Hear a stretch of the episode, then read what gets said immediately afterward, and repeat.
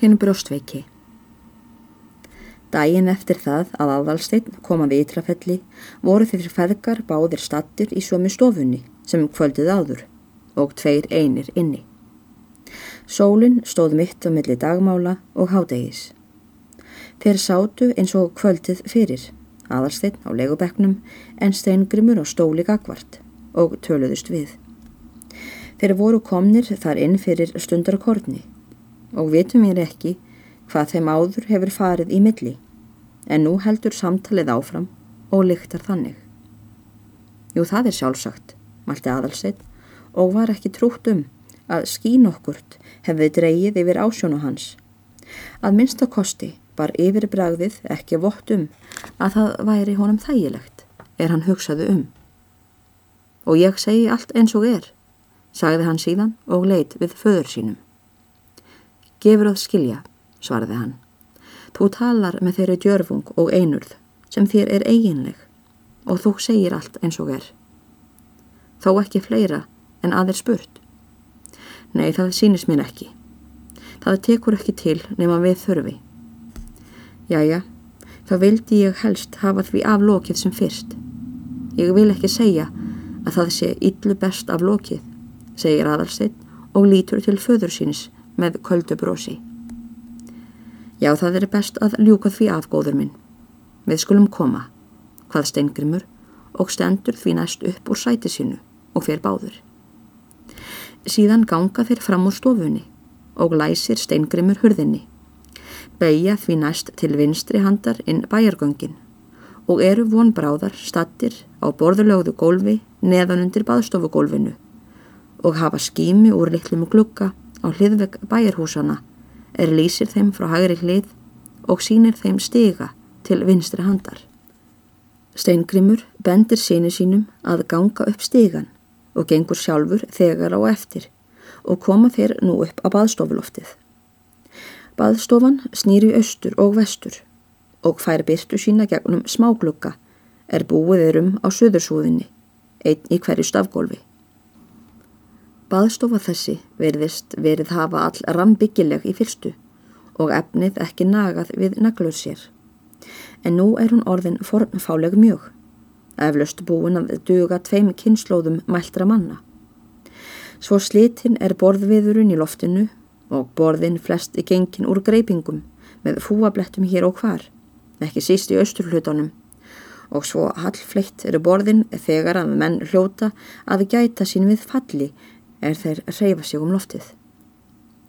Þegar aðalstein er komin upp á loftskórina, nemur hann staðar og litast um og sér sig stattan í baðstofuhúsi sem er tvö stafugólf að stærð.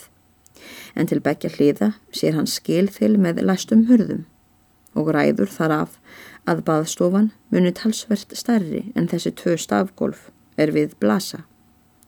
Hann sér engan mann í þessum hluta baðstofunar og furðar hann sig ekki á því um heiana tíman, en rekkur þrjár sér hann standa þarna á loftinu, tvær að sunnanverðu og eina að norðan.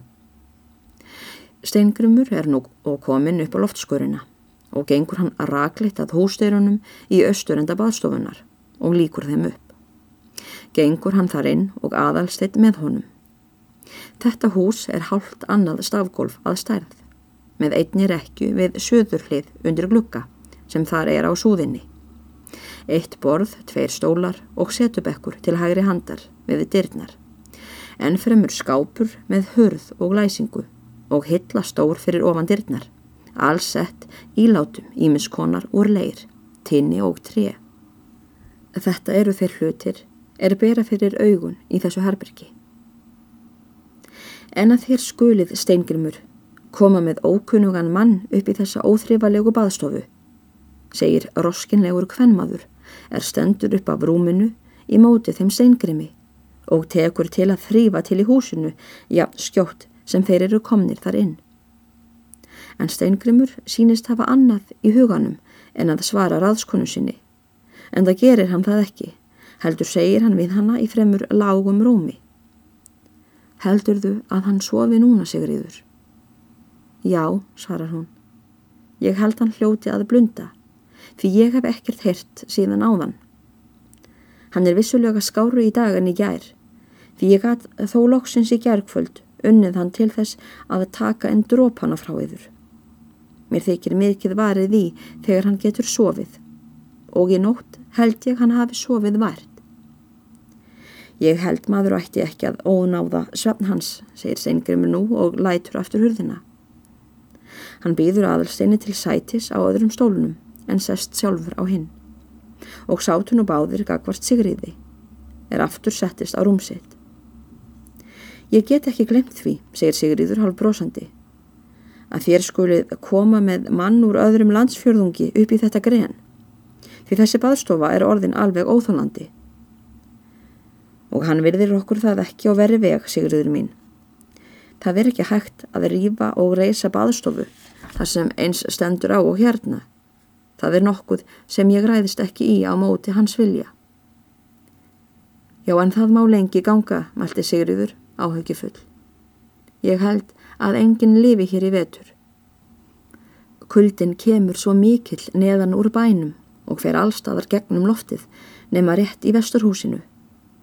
Jú loftið er þar miklu nýra. Haldi þér það væri nú ófáanlegt steingunumur, svo bærin er nú orðin. Fretti Sigriður. Uss, svarar hann og hristir höfuðið. Það er ekki að nefna. Það er nokkuð sem ég veit með vissu. Hún mætti verða hraurleg baðstofan hérna sigriðun mín til þess að það fengist að rýfa hana.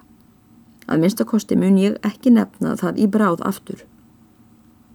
Ég vænti þess, ansar hún með armæðu sveip.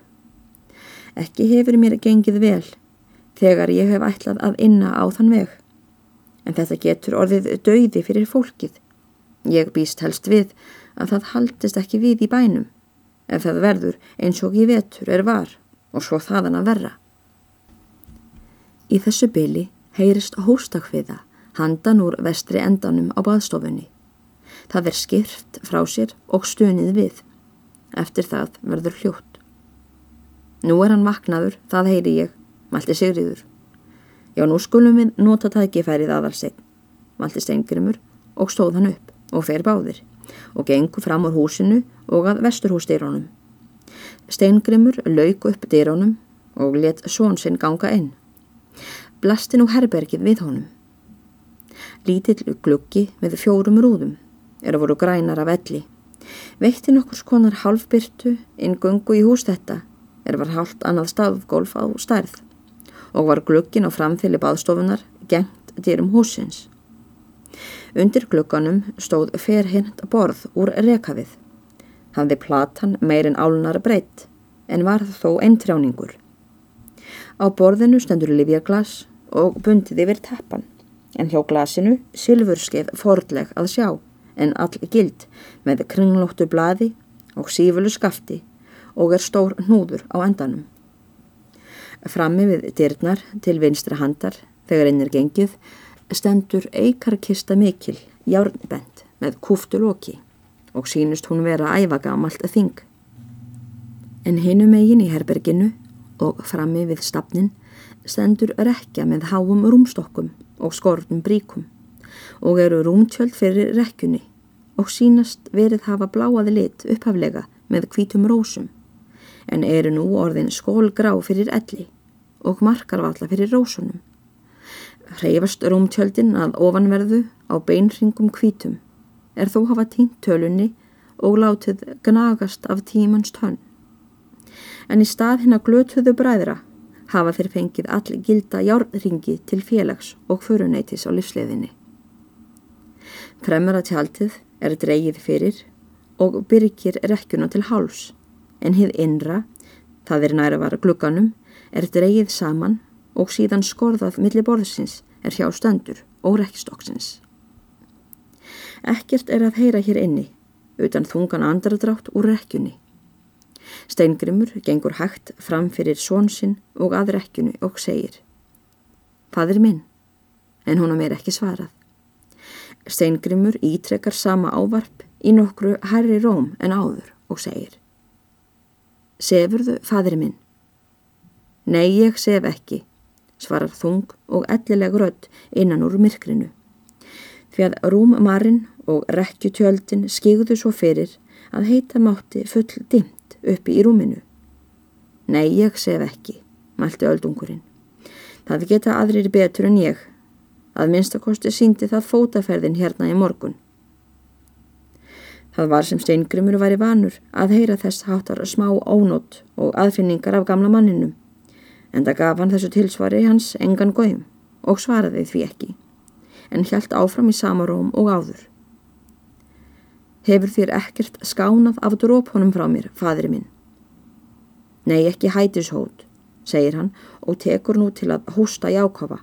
Um leið og hann ræskir sig og skirpir í rákadall er sendur við rúmið. Síðan bætir hann við. Það er hvortveggja. Að ég er livjum óvanur, en það hef ég ekki trú á þessu guttli. Mér er sama hvort ég tek það inn eða vatnið.